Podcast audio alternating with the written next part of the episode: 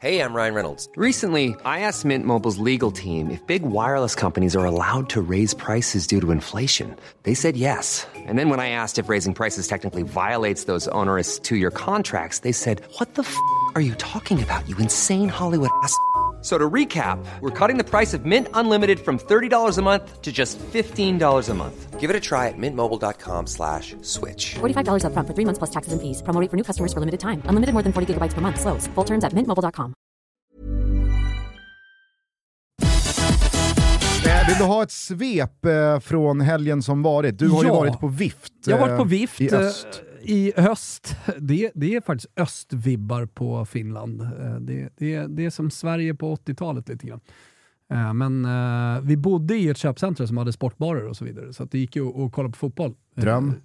Ja, faktiskt. Och bo i ett köpcentrum när man åker till Med sportbarer. Med sportbarer, perfekt. Ja, det är det enda man vill. Ja. Nej men eh, ge mig svepet då. Ja, härligt. Det kommer här. Vissla Kimpa.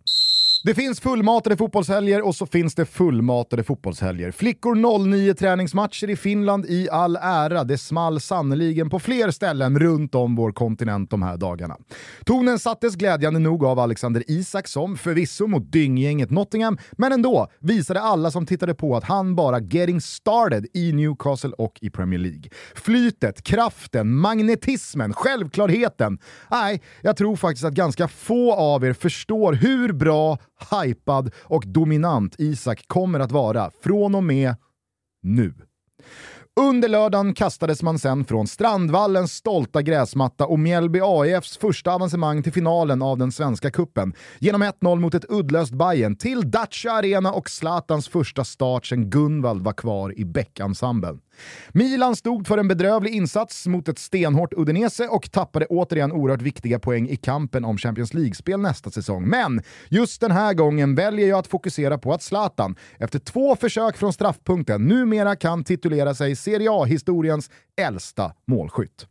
Parallellt med allt detta under lördagen så fick vi även med oss ett nytt hattrick av Erling Haaland när Manchester City och Pep Guardiola smulade sönder Burnley och Vincent Company i FA-cupens kvartsfinal. Chelsea och Graham Potter slarvade återigen bort poäng i Premier League, den här gången hemma mot Everton.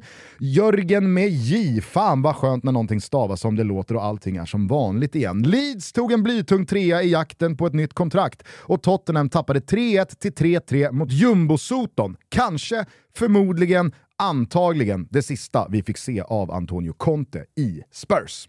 När eh, lördag sen blev söndag så var det svårt att rangordna storlek och betydelse av de matcher som i ett pärlband uppenbarade sig för en. För hur värderar man egentligen ett Derby della Capitale där så mycket mer än bara tre poäng ligger i potten mot sin värsta rival gentemot ett Derby d'Italia där Juventus, som den lite för berusade, lite för störiga och lite för burduse pappan som lämnat bröllopsfesten tar sig tillbaka in via köket och pissar på tårtan. Igen. Fan vad detta är Juventus, att man ens trodde att saker och ting förändrats. Inga svaga kuppmatcher från öarna heller under gårdagen. Brighton med min gubbe som är mer min gubbe än någon annan av mina gubbar, Kauro Mittoma, i spetsen hade naturligtvis inga problem med att avfärda lilla Grimsby Town. Yasin Ayari gjorde debut och nu väntar Manchester United i semifinal på Wembley om en månad för De Serbis blåvita högt flygande gäng. Detta efter att de röda jävlarna vänt underläge till seger mot Fulham på Old Trafford då William Mitrovic och tränare Marco Silva alla blev utvisade i en och samma sekvens. Märkligt. Även Sheffield United åker till Wembley. Detta efter 3-2 i en ytterst svängig och sevärd historia mot Jon Dahl Tomassons Blackburn, Europas kanske mest överpresterande lag. Således så mådde man inte röv när dansken till slut fick någonting emot sig. För sån är man! Missundsam och jävlig. Och på tal om kuppmatcher, vi var många som byggde upp Svenska Cupens semifinalen mellan Häcken och Djurgården som en match mellan Sveriges två bästa lag. Och ska vi utgå från att Diffen är landets näst bästa lag, ja då blir det inte mycket till spänning i den allsvenska toppen i år. Visst, Samuel Gustafsson får tacka Glelle Nyberg att eh, det gula inte var ett rött, men efter det så var det ett lag på banan och fotbollen Häcken bedriver på Bravida ser faktiskt helt omöjlig ut för något annat svenskt lag att stoppa. För när inte ens the beast from the north that can't be caged, can't be tamed, who wears a blue strimmed armor and never gives up. Gör just det. Nej, då blir Häcken svårfångade.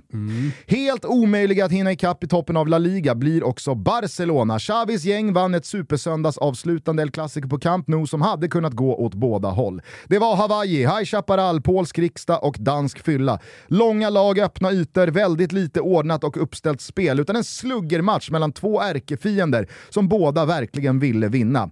Det var på väg att sluta med att båda tungviktarna gick distansen ut, men i femtonde rondens sista slag så fick Frank Kessie och Barca in den knockout som avgjorde allt. Barca är tillbaka på tronen, Ancelotti får rikta in sig på att avsluta sin tid i Real Madrid med ännu ett Champions League-mirakel och El Clasico, ja, El Clasico kanske faktiskt återfick lite av sin på många sätt förlorade charm igår igen.